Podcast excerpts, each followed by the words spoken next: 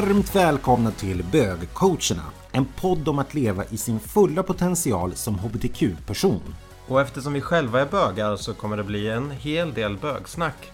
Men självklart är mycket gemensamt för hela hbtq-familjen. Även du som till exempel jobbar med eller närstående till någon av oss hbtq-personer kan säkert ha nytta av att lyssna, få inblick i vår värld med tankar, känslor och utmaningar i livet. Vi hoppas på givande och underhållande timmar med oss. Bögcoacherna i samarbete med Bögarnas Paradis. En Facebookgrupp med syfte att motverka utanförskap. Så sant, så sant. Hello, herr Nilsson. Hello, herr Wiklund. How do you do? I'm good, thank you. Mm. And you? Ja, men ganska bra tycker jag. Det är söndag idag och jag känner mig tämligen utvilad i kroppen. Ja, men gött. Jag känner kanske inte riktigt så. Uh, känner mig som ungefär 85 år i kroppen idag, men ja. Är det för att du har träningsvärk eller är det för att du har... Ja, jag körde ju ett pass i fredags igen med min PT som manglade mig, eh, hjärnet. Mm. så får man lida i flera dagar efter det. Mm. Men så kan det ju vara ibland. Eh, det är ju för ett gott syfte. Eller hur? Mm. Skaffa diskomuskler. Ja, precis. Eller eh, det här med hälsa, så kanske det var. Just det, ja. Hälsan. ja. Ja, det är faktiskt lite småjobbigt när man har den där förbaskade träningsverken. Jag hade så himla mycket träningsverk. Jag har ju, jag, jag checkar magnesium. Ja. Jag var uppe i Lappland nu i eh, förra veckan och tränade utav helvete. Och en utav kvällarna, alltså jag hade så ont så jag, jag hade feber. Ja, okej. Men då hade syrran Thank God som sa stol, piller, magnesium. Nej det var det inte. Men de var jättestora. Så då tog jag dem. Dag två och då blev det mycket bättre. Jag ser bara framför mig hur du skjuter upp ett sånt här i, där bak och mår bra efteråt. Så här. Man bara åh. Nej, så var det inte då. Nej, inte riktigt så faktiskt. Nej. Hur har dina veckor varit sen vi sågs sist? Ja, eh, sen vi såg sist. Eh, det var ju inte så länge sen vi såg sist. Nej, men men sen vi poddade poddade. sist.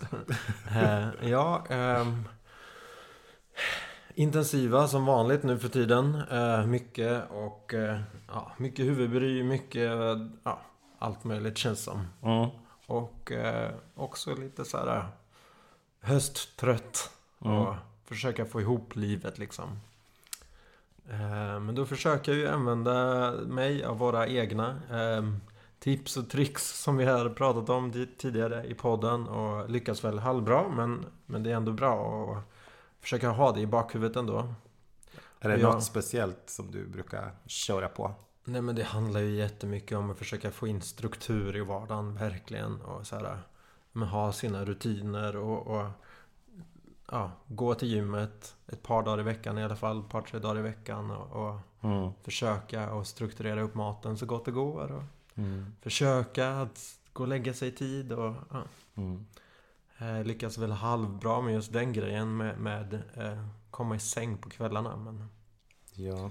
Men sömnen är ju så oerhört viktig och vi behöver ju verkligen det. Sen tjatar ju du verkligen om det här med magnesium Mm. och även D-vitamin som man behöver, alltså tillskott som man behöver så här års.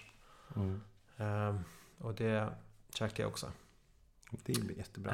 Eh, D- D-vitamin. Har, har du köpt magnesium? Nej, Nej. Men jag, jag har ju någon sån här sport eh, vitamingrej. Det är magnesium i den. Men jag tror kanske inte det är så här 100% vad man behöver. Nej. Men nästan. Mm. Ja, du får göra det. Ja, alltid något. Mm. Ja. Och dina veckor då? Sen sist? Sen sist, gud Vad har jag, hänt? jag tycker jag har fräst runt så himla mycket så att eh, Nej men jag är på ett bra plats i livet just nu. Eh, Jag är skitduktig Eh, För er som har lyssnat tidigare så surrar jag om det här 80-20 grejerna som jag kör och jag är väldigt strukturerad, jag sover bra Usch, nu låter jag som en sån här jobbig hurtig människa men Allt är så himla bra. allt är perfekt Livet är så himla bra. Ja. Jag är så duktig. och superlycklig också Mm. Nej, men... jag är stolt över det. Jag är faktiskt jättestolt över att just här och nu så, så är jag superduktig. Jag tränar och jag börjar göra så här varje söndag så har jag en planering för veckan som kommer och då planerar jag både mat och eh, eh, socialt och träning. För jag har insett att jag funkar inte om, om jag ska vad heter det, bara göra så här random. Oh, nej men gud, jag fick en känsla att jag ska gå och träna nu för då, då går det åt helvete. Det måste verkligen vara strukturerad. Och förra veckan, då var det verkligen så här. Två, både på måndagspasset och onsdagspasset. Och bara, gud så jobbigt. Oh, vad skönt att bara sitta hemma i soffan. Och det bara, så i helvete Wiklund, ut med dig. Och så gjorde jag det. Mm. Och så kommer man tillbaka och bara, woho! Pratar du till dig själv som om du är någon annan då? Ja, men lite grann så här att nej, men nu har du tagit det här jag. beslutet. Mm. Du har tagit det här beslutet i söndags att så här skulle du göra. På tal om motivation. Jag tycker det är lite, lite spännande. Och det är beroende på vad man kickar på. Men jag kickar ju att ha olika mål. Och nu har jag två mål som jag ser fram emot. Och den ena är att vi åker till New York om ungefär två och en halv vecka. Och då har vi bestämt oss att vi ska springa runt Central Park på morgonen och leka New Yorkers. Så då springer jag som fan nu då för att jag verkligen ska orka Mm. springa och göra den biten. Och sen hörde vi med, med vår personal om de skulle vilja ha ett gemensamt mål under vintern. Och eh, så vi erbjöd oss att ja, men, göra en liten fitnesshelg i Stockholm och så kör vi eh, premiärmilen som går ut av den 28 mars. Ah, nice. Och det var så kul, alla ville haka på. Mm. Och då blir man ju super, super glad. Hela teamet. Hela teamet. Ah, Så kul att ni gör den grejen tillsammans. Då har man ju verkligen en motivation där. Och något att se fram emot. Och exakt. sen som du som chef också så måste du... Det är en liten extra sporre där att... Ja, men jag vill ju inte vara sämst. Alltså, jag, jag har ju, vi har ju en medarbetare, Sofia heter hon, världens finaste tjej. Eh, Jag tog ju rygg på henne på ett annat lopp som vi var och sprang. Jag bara, men gud vad bra. Ja, hon får vara min hare. Och det var ju det dummaste jag någonsin har gjort. Alltså jag orkade springa 500 meter och sen var mitt lopp förstört. För hon springer så jävla fort. Ja, Så det ska jag inte göra om. Men däremot så tänkte jag att ja, jag ska träna. Så att jag har goda förutsättningar att, att bli framgångsrik. Så. mm. härligt, härligt. Mm. Yes. Ja, vi ska ju vara lite, eh, prata om en sak som eh, berör många utav oss. Vi tänker på det här många gånger. Det kan vara jävligt kontroversiellt. Eh, Det är många som tycker mycket om de här sakerna. Men det är ju faktiskt så att alla vi HBTQ-människor har ju en gemensam grej som vi förr eller senare måste tänka på. Ja, och vad tänker du på då? Ja, det här som de vanliga, eller på att säga, Gud, De vanliga människorna. de vanliga människorna bara har som, ja, mera enkelt serverat framför sig. Du menar vad som händer när de ligger med varandra? Exakt, Ja. utkomsten. Ja. Vi ska prata om barn och barnlängtan idag. Mm. Tänkte vi. Det tänkte vi att vi skulle göra. Yes. Från lite olika perspektiv. Mm. Hur har det varit för dig Johan? Hur har du tänkt med barn? Och har du haft barnlängtan? Mm. Vad har jag? Mm. Berätta. Nej men så här, alltså det är, Jag har väl känt att jag har under ganska många års lopp gett jävligt mycket åt mitt företag. Och det gör jag fortfarande om man säger så. Och då har det som inte funnits med i bilden. För det känns som, var ska jag stuva in det här någonstans? Men sen för några år sedan så började jag tänka och känna och jag bara, ja men det här skulle jag faktiskt vilja. Jag, jag, jag skulle hemskt gärna vilja ha barn. Och eh, när jag hade en relation eh, så kollade vi det, då diskuterade vi det också. Vi hade uppe lite olika tankar, alltifrån surrogatmödraskap till eh, Ja men ska man skaffa kompis tillsammans med ett barn? Eller, ja, Skaffa barn tillsammans med en kompis menar du? Ja. tack så mycket. det blev lite snurrigt här. Och nu är jag ju singel och eh, åren går. Och jag har väl bestämt mig någonstans så här att ja, men jag, jag ska ha öppet mitt barnfönster tills jag är 50. Mm. Sen har jag landat i följande att för min del så vet jag att blir det barn så kommer jag känna mig välsignad och jag kommer tycka det är helt fantastiskt och det kommer bli underbart. Och blir det inte barn så kommer jag att leva och ha ett rikt och fantastiskt liv då med. Så det kommer vara en win-win oavsett. Så att för mig personligen känns det inte som att det kommer bli en katastrof om det inte blir så. Men jag vill hemskt gärna. Ja, men det är väl så som är mycket här i livet. Att det Ja. finns olika vägar att gå. Och eh, det handlar ju mycket om förhållningssätt och inställning till saker och ting. Och livet kommer att bli bra om man själv vill att det ska bli bra. Mm. Eh, Och man får välja att göra det eh, till ett bra liv helt enkelt. För mycket, man kan inte styra över allt. Men mycket kan man ju trots allt styra över. Ja, Ja. Absolut. Nej men och jag har varit ganska aktiv också. Det är, jag öppnade upp, gick med på, i Facebook på en, med en grupp som heter Medföräldrar. Och har faktiskt dejtat lite kvinnor. För det är väl det jag har landat i just nu då. Som att det skulle kännas bäst för mig. Att bli medförälder. Så vad betyder det då? Vad syftar den här gruppen till? Det, gruppen syftar till att det är singlar och det är ju mixat alltså med människor. Människor, punkt. Och så sätter vi ingen sexualitet eller någonting på det. Men de som har en längtan efter barn. Och önskan om att kanske faktiskt hitta någon annan som man bara helt matchar med. Allt ifrån att bara, ja, men vi bor i samma stad, vi har, kan ha samma tankar och idéer, vi har samma värderingar, det här känns bra. Ja, på det sättet. Sen är det ju totalt super, super svårt. Jag menar, det är som att träffa vilken människa som helst. Jag, en tjej som jag träffade, hon hade en, en kravlista på var vi skulle bo. Och, ja, men det var verkligen bara dunka, dunka, dunka, dunka. Och jag bara oj, oj, oj, oj, oj. Nej, men så vill inte jag riktigt. Nej men jag vet ju, du har ju pratat om det här också och du har ju också ganska tydliga eh, mål med det här och hur, ja, tydlig bild av hur du vill att det ska vara och det här med Men jag vet att du har sagt att du ska skriva avtal och grejer. Absolut! Ja. Och det tycker jag är en... Ja, men allting som handlar alla, relationsmässigt, allt ifrån Mm. sambo till att man gifter sig, till att man skaffar barn tillsammans.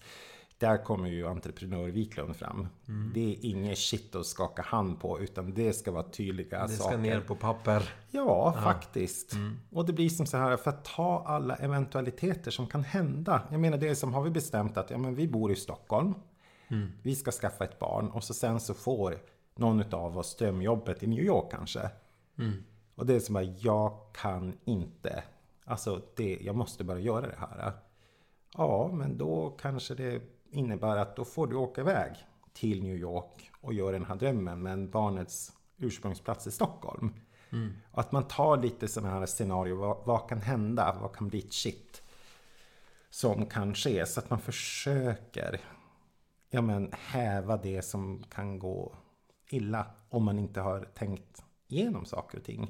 Allt ifrån som alltså vaccinationer. För det finns ju jättemycket grupper och folk där ute idag som inte vill vaccinera sina barn.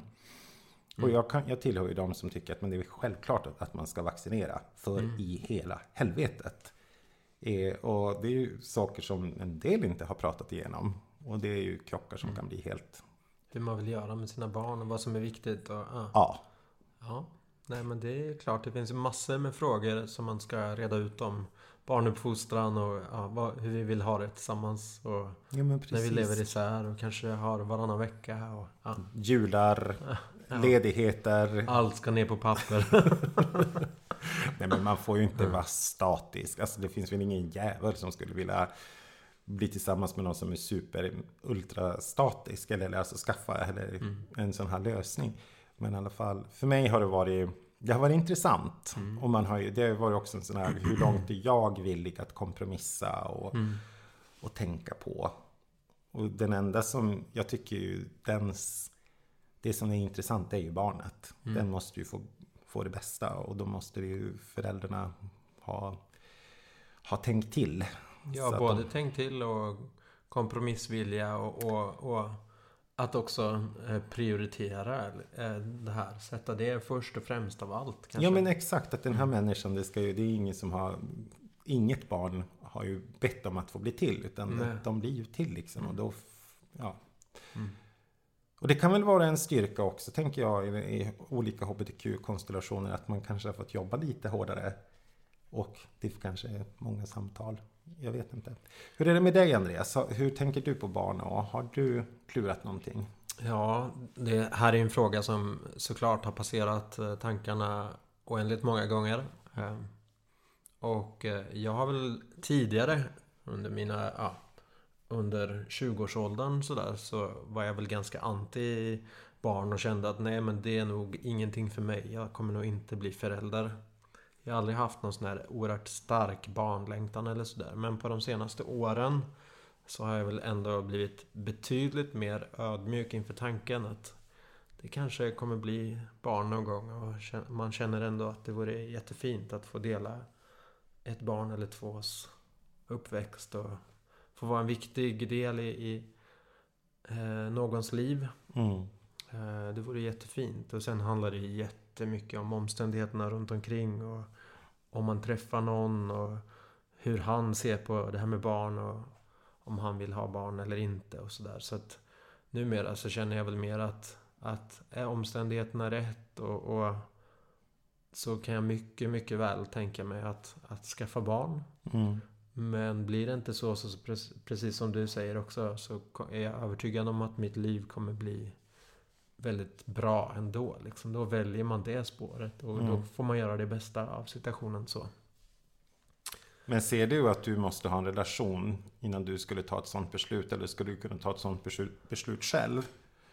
Nej, men barnlängtan finns nog inte på det starka sättet som du berättar. Att gå med i den här eh, gruppen till exempel för att hitta en partner att skaffa barn tillsammans med. Mm. Du, utan det är nog i så fall om jag träffar någon som och vi vill bygga en familj tillsammans. Mm. Då, då skulle jag eh, överväga det. Eh, och känna att det kändes viktigt och fint och bra. Mm. Men inte att skaffa barn själv. Liksom. Sen kan det ju bli så ändå. Sen att man kanske inte fortsätter att leva tillsammans som man lever separat. Mm. Separerat. Ja. Och, men då löser man ju det. Då, då är man ju i det. Och då är barnen det viktigaste som finns såklart. Så att, då löser man ju den situationen. Mm. Som alla andra som separerar. Ja men verkligen. Mm. Och nu har de ju faktiskt också, det kom ju en ny lagstiftning så jag, jag kan den inte riktigt sådär men jag vet att jag reflekterar över den när jag hörde att den trädde i kraft. Som också gjorde att i sådana här konstellationer att, för det kan ju vara om, om du har en partner och, och du skaffar ett, ett barn tillsammans med en medförälder så blir ni ju föräldrarna om man säger så. Men det är ju, skulle, ja din partner, om barnet är sjukt till exempel, kan också nu vara ledig och få barnpeng eh, eller vad det nu heter. Mm, föräldrapenning. Så, föräldrapenning. Så ja. insatte jag. Barnpeng. Jag vet bara att, att min personal vabbar. Jag vet inte. ja. Och så har det tydligen inte kunnat varit förut. Så det är ju någonting som är positivt som har utvecklats. Men sen har vi ju massa andra saker som kanske inte har utvecklats så bra. Nej men det är ju oerhört svårt fortfarande det här med, med att skaffa barn och få till det juridiskt på ett bra sätt. Och mm. Det är ju fortfarande inte eh, lagligt att skaffa barn via surrogatmödraskap i Sverige till exempel. Mm. Um, det kan man göra på ett annat sätt. Och en eller på olika sätt. Men en sån här aspekt som jag och kompisar och du och jag också har pratat om. Ehm, det är ju det här med att surrogatmödraskap och skaffa barn via surrogat. Ett privilegium som eh, ja, förhållandevis rika bögar eh, bara kan unna sig än så länge. För det kostar ju, man får ju bekosta hela processen själv. Mm. Och det är ju oerhört frustrerande skulle jag säga. Och på ett sätt diskriminerande också kan man ju tycka. Att, mm. att det bara är en, ett privilegium som då, de som har råd. Men vad jag har förstått så kan det kosta uppåt ja, ett par miljoner att få till barn liksom mm. via surrogat. Mm. Och det är ju sjukt mycket pengar för att kunna, ja, något som andra löser gratis liksom. Dels själva processen, skapandet är Mm. gratis såklart. Men också all vård i Sverige som det faktiskt, det kostar ju såklart också att föda Mm. barn och, och det kan bli komplikationer och, och ja, då, då har vi stöd från, från ja, sjukvården i Sverige. Det är gratis. Men gör man det här utomlands så får man ju bekosta allting liksom. Mm. Och jag delade ett... eh, Ja men jag såg en sån här insamling idag på Facebook. Mm. Eh, två killar som har skaffat barn i Chile tror jag det var. Och eh, det hade uppstått komplikationer. Eh, havandeskapsförgiftning tror jag att det kallas. Vilket gjorde att de fick göra ett akut kejsarsnitt och, och plocka ut barnen eh, långt i förväg innan de var färdigbakade så att säga. Mm. Och att de då behövde en helt, såklart då en helt annan akut sjukvård under ett par månader. Det skulle kosta, vad var det, 15 000 kronor per dygn eller något sånt där. Att få till den här vården i flera månader. Mm. Och förstå den frustrationen då. Att, att man då kanske har samlat och sparat och, och försökt att få till så att man kan att man kan bekosta den här miljonen eller 1,5 miljoner eller vad det kostar att få Mm. till själva processen. Eh, bara om allting går som det ska. Och sen utöver det då så, så blir det merkostnader, akuta kostnader. Mm. Som bara måste fram och barnen finns där och deras överlevnad är beroende av att, att man har möjlighet att betala de här 15 jävla tusen kronorna per dygn liksom Mm. i flera månaders tid. Vilken oerhörd frustration och press det måste vara liksom. Helt förfärligt. Och hade det där hänt i Sverige hade barnen fått, fö, f- hade barnen fått födas i Sverige så hade ju samhället betalt det. Mm. Det, fin, det inte ett, finns inte en fråga liksom om huruvida man ska bekosta det eller inte. Utan det är bara så här. Men de här två papporna lever nu i, i, ja, i förtvivlan och, och, och vet. De känner sig inte säkra på att de kommer lösa det här liksom. Mm. Jag tänker så här just som när det börjar handla om surrogatmödraskap. För det är ju också en sån sak att det har blivit så otroligt mycket inom feministiska perspektivet sett. Mm. Och då vill jag faktiskt understryka att jag anser mig själv vara en feministisk person med feministiska värderingar. Men jag tycker man har kört lite i diket när man, har pratat, när man pratar om det här. Jag har faktiskt ett heteropar i min närhet som har provat och provat och provat under jättelång tid att, att skaffa barn och sen så visade det sig att, att hon kunde inte det. Och det slutade med att en av hennes bästa kompisar ställde upp. Så att det här är ju någonting som de har gjort under radarn. Okej, ja. Alltså i Sverige. För man får ju faktiskt inte göra det här. Nej. Och då är det precis som många gör. När man då, om vi nu ska vara lite tekniska. Man kan ju heminsemination. Man tar då ut pojkarna och flickorna i en liten spruta. Och så sen levererar man den. Och så sprutar man in det. Och det hade gått ganska per omgående. Och det Men, som... men jag måste bara fråga här nu då. Var det kvinnans ägg ändå? Eller Nej. nej utan Nej. Då, då är det alltså både surrogatmammans ägg också. Så hon blir biologisk mamma till det här Hon barnet. blev biologisk mamma åt det här barnet. ja, men, då går det att lösa såklart. mm. Mm, ja. Och i den bästa utav världar, för hon hade vad jag fattade och förstod, ägg som var okej. men om det då var någon ogästvänlig miljö, eller ja, Mm. de, de kunde helt enkelt inte bli gravid tillsammans. Och de älskade verkligen varandra. Och hennes väninna älskade verkligen sin väninna. Mm. Så hon kände att jag vill ge dig det här. För det är det absolut finaste som man kan uppleva. Och för henne så var det... Hon har inte tagit några pengar, alltså hon har inte tagit betalt för det, hela den biten. Utan hon ville hjälpa till. Och det är väl där jag kan känna någonstans. Jag kan inte förstå vad som är så fruktansvärt kontroversiellt med det. För jag, jag kan förstå om det skulle bli som det blev det här tokiga grejset som hände i Indien. Att det blir barnfabriker. Där, och de stängde väl ner dem där tror jag. Utan att ha allt för stor kunskap om det. Mm.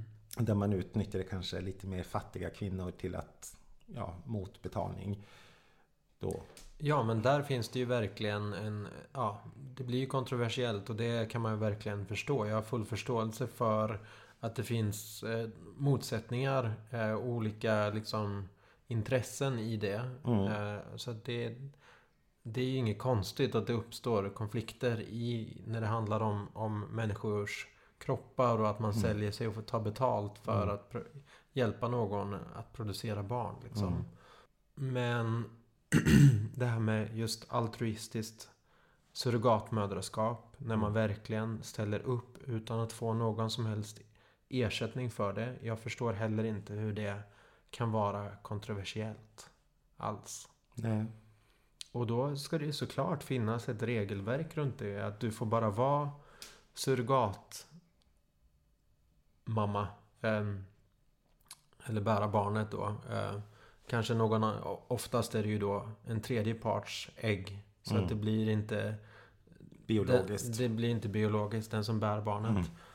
Och, och då är det ju liksom bara, bara få hjälp med liksom själva processen. Det är klart Mm. att det kostar samhället lite pengar. Men det kostar ju samhället pengar att, att, att stötta i hela processen med att skaffa vanliga barn också liksom. Mm. Ja men också sen när man ska se det faktiskt som en Är det då en mänsklig rättighet att ha barn? Ja, varför skulle det inte vara okej för HBTQ-människor att få bli förälder? Ja. Det är väl också någonting som är en Det är ju en allmänmänsklig sak Mm. som man kan drömma om. Och att man faktiskt ser till att man på ett lagligt sätt kan fixa det här så att det inte blir så knasigt som det verkligen ja, kan bli. för det kan ju verkligen bli knasigt. eh, För många har ju så stark barnlängtan så att de löser ju det på alla möjliga olika konstiga sätt då. Och Mm. det, då kan vi ju verkligen förstå att det blir ett problem i världen. Mm. eh, Och man gör det på sätt där omständigheterna kanske inte är de bästa för kvinnorna. Och man måste ju arbeta för att det ska försvinna så mycket som möjligt. Och då Mm. Är väl ett sätt att faktiskt eh, möjliggöra en altruistiskt eh, surrogatmödraskap här hemma i Sverige. Mm. Så att man inte ska behöva vara med om den här processen som det här killparet nu är med om. Liksom. Mm. Att de inte vet om deras barn kommer att överleva. Nej men för Steven om sist så handlar det om säkerhet. Det handlar om säkerhet för alltså kvinnorna. Mm. Alltså jag menar att vara gravid. Det är ju inget enkelt. Det är ju verkligen inte det. Men att också säkerhet för barnet. Mm. Eller barnen. Det känns ju som väldigt bra om man kan ha det i en ja, men nära Mm. i våran vård. Som man har det. Ja, och sen när det inte är lagligt så finns det ju heller inget stöd från samhället i, i liksom myndigheterna och när det handlar om all, all, alla juridiska processer om Mm.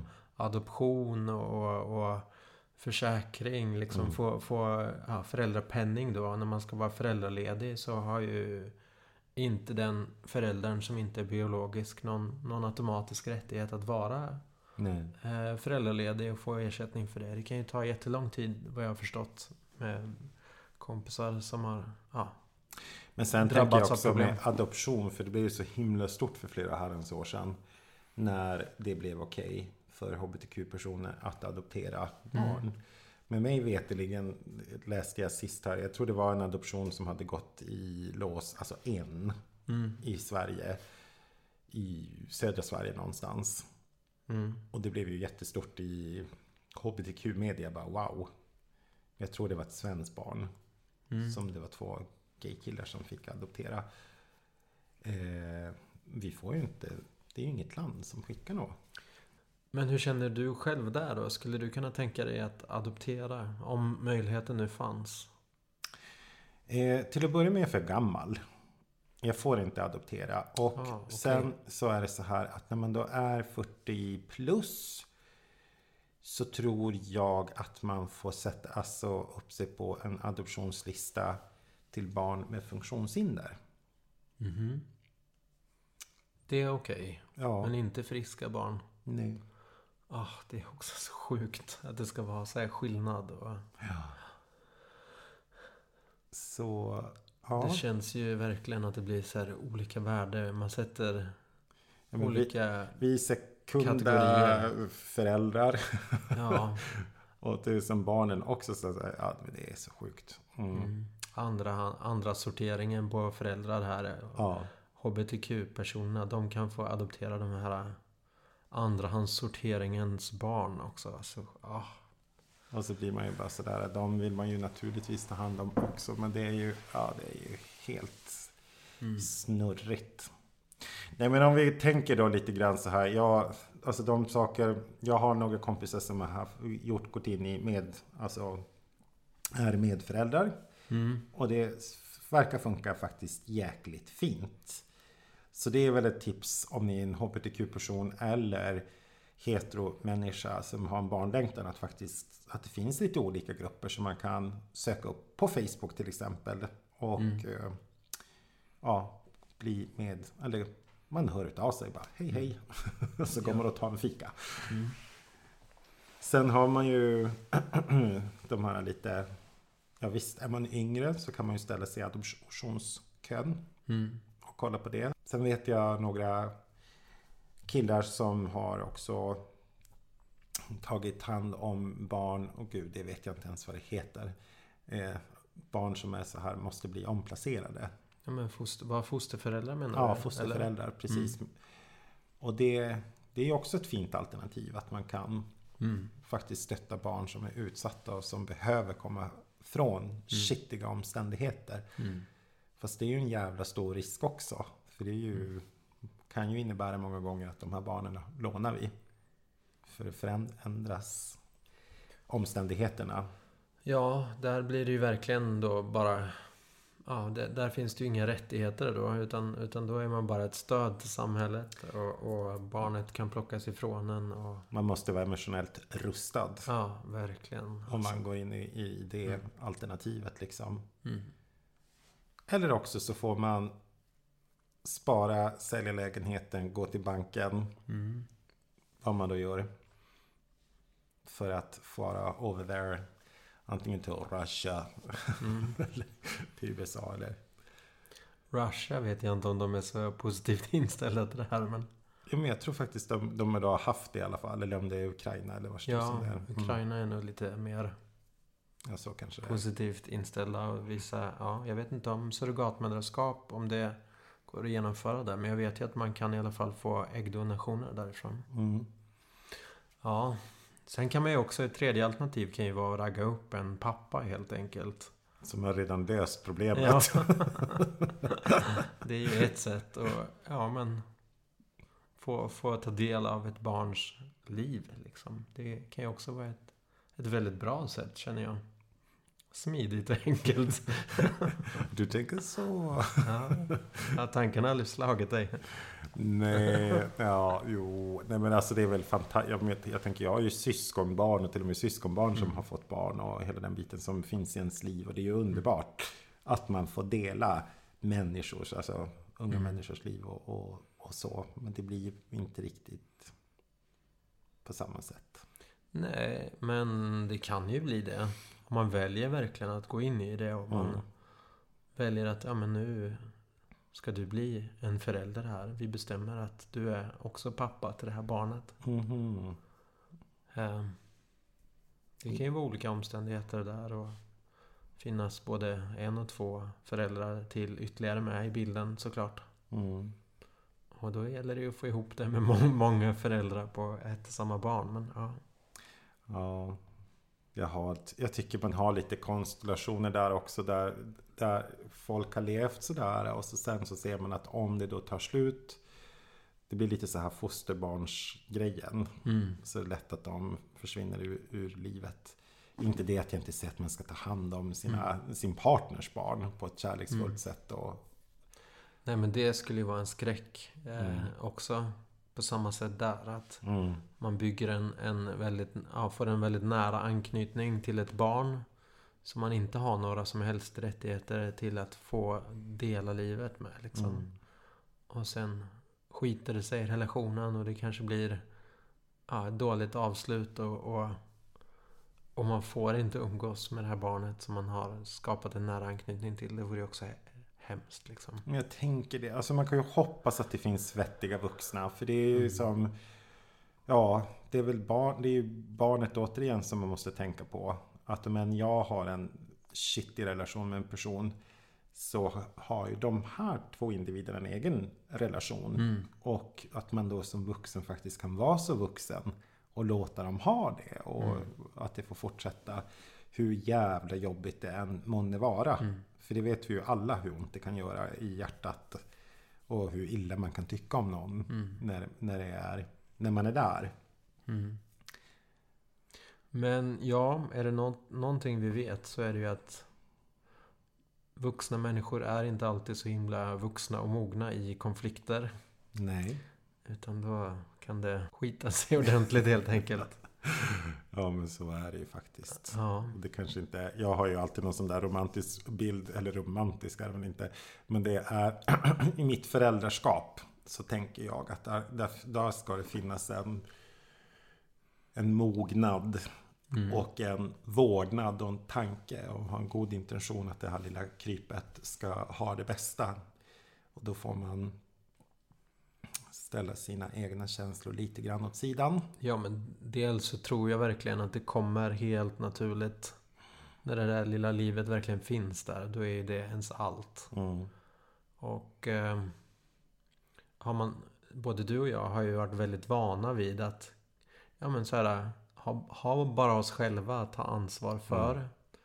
Och man, ja, man vänjer ju sig vid det och kanske blir lite e- egocentrisk i det och liksom sätter sig själv först. Och, Mm. ja men gud, jag vill ju resa och jag vill göra det här och jag vill, ja du vet, man ska göra massa saker och man tänker hur ska jag klara mig utan att göra det där? Men jag, jag är helt säker på att man får helt andra prioriteringar när, när man väl ser det här livet och, och Ja det, det, finns där och man bara säger det är självklart att jag inte så här, "Ah, nej men jag måste åka till Mallis tre gånger om året liksom. Men det är ju Nej. det jag tänker lite grann som måste också vara en vinstlott i medföräldraskapet. Jag tror säkert att det är lite knöligt de första åren när Mm. barnet är alltså litet. För då behöver man ha tätare lämningar och, Mm. och sådär. Men sen när de har kommit upp lite grann och man kanske faktiskt har en liten varannan vecka situation. Att när man då som när man har passerat 40 vant sig vid en viss kind of livsstil och då kan man faktiskt ha kvar den på ett sätt. Mm. Man har sitt vuxenliv och sen har man sitt barnfokus. Ja, men på ett sätt har jag ju sett stora fördelar i det här också. Men jag vet, jag vet jag dejtat någon pappa någon gång sådär. Och då har jag ju känt bara gud, men det här kanske är den bästa lösningen. Att man Mm. får vara så här just extra, eller så här plastfarsa Mm. Varannan vecka typ. Att det, är ganska, det skulle vara ganska lagom att ha den. Ja, man får vara med om ett barns uppväxt och, liksom ta del av dens liv och vara en viktig person i det här barnets liv. Men fortfarande har man kvar allt göttigt varannan vecka och kanske inte huvudansvaret heller för barnet även den veckan som, som man är. Nej, Med precis. barnet då. Mm. Men det tror jag är en sån där, det är också en sån där tanke som man har som icke-förälder. Jag tror det. Alla man som sitter här och lyssnar som är föräldrar, de bara oh my god, de vet inte vad de pratar om. Nej, men det är ju verkligen så. Det är därför jag säger att när man väl är där så tror jag att ja, man bara vill vara med barnet. Ja men det tror jag. Och alltid och hela såklart, tiden. såklart, liksom. såklart, såklart. Mm. Men om man inte har den lyxen så måste man ju se vad kan vara positivt med. Ja, det, återigen, då får man se det positiva i det. Och, Mm. mm. Jag tänkte att vi hade ju en liten utmaning förra veckan, eller Just förra det. podden. Ska, det, ska vi prata om den? Eller är det jobbigt? Eh, nej, det måste vi givetvis redovisa eftersom jag faktiskt har lyckats. Ja, du var Alltså- så duktig. Vi tog en promenad här eh, i eftermiddags. Och eh, så kom Johan på att, att eh, vi minsann inte hade levererat eller genomfört vår lilla promenad genom stan hand i hand. Och eh, då gjorde vi det helt enkelt. Mm, mm. Så ja. Och för er då som inte har lyssnat på det avsnittet så handlar det om att Andreas tycker det är lite jobbigt att gå hand i hand med en kar. Så då gjorde vi ett litet KBT-grej. Ja. Och det blev typ en och en halv kilometer. Ja, det gjorde vi. Ja. Och eh, nej, men vi pratade ju om det där, min diskrepans eh, i, i ja, skillnaden då alltså mellan känsla och tanke och att jag verkligen förstår att det här är minimal risk att folk runt omkring mig här skulle tycka att det här var provocerande medan känslan är en obehagskänsla för att jag inte gillar att göra det. Att det känns mer som att jag fokuserar på människor runt omkring än på att det faktiskt är mysigt och trevligt att hålla min partner i handen. Nu är ju inte du min partner men men det var ju ändå den här KBT-övningen och gå och titta på hur folk liksom, om de överhuvudtaget tittar eller inte eller om de, ja, ler. Ja, och såklart Såklart så var det ju så att typ ingen re reagerade överhuvudtaget eller tittade på oss något nämnvärt men Men eh, det gick vi efter Götgatan, alltså Götgatspucken och hela där så det var ju Ja. ganska knökigt med folk ändå. Ja, det var ju massor med folk ute Mm. Så, ja men det var väl bra ändå att Att vi gjorde det och Mm. skönt att jag lyckades leverera någonting som Du tvingade fram i någon form av löfte i podden här senast Ja, nej men det var jättebra så ja Skönt Skönt, check på den. Check Hoppas ni får en helt fantastisk vecka och ta hand om er nu och eh, vare sig det blir barntankar eller icke. Ja, precis. Så på återhörande, vill ni reflektera på det här så gör gärna det på Ja, man kan ju mejla till oss på eh, bögcoacherna gmail.com och så finns vi på Instagram på bogcoacherna och vill man följa mig så kan ni göra det på Instagram under johan.viklund. Och jag hittar man på Andreas Nilsson STHLM Även det på Instagram. Yes Ha det gott, hejdå! Ha det bäst, hej då!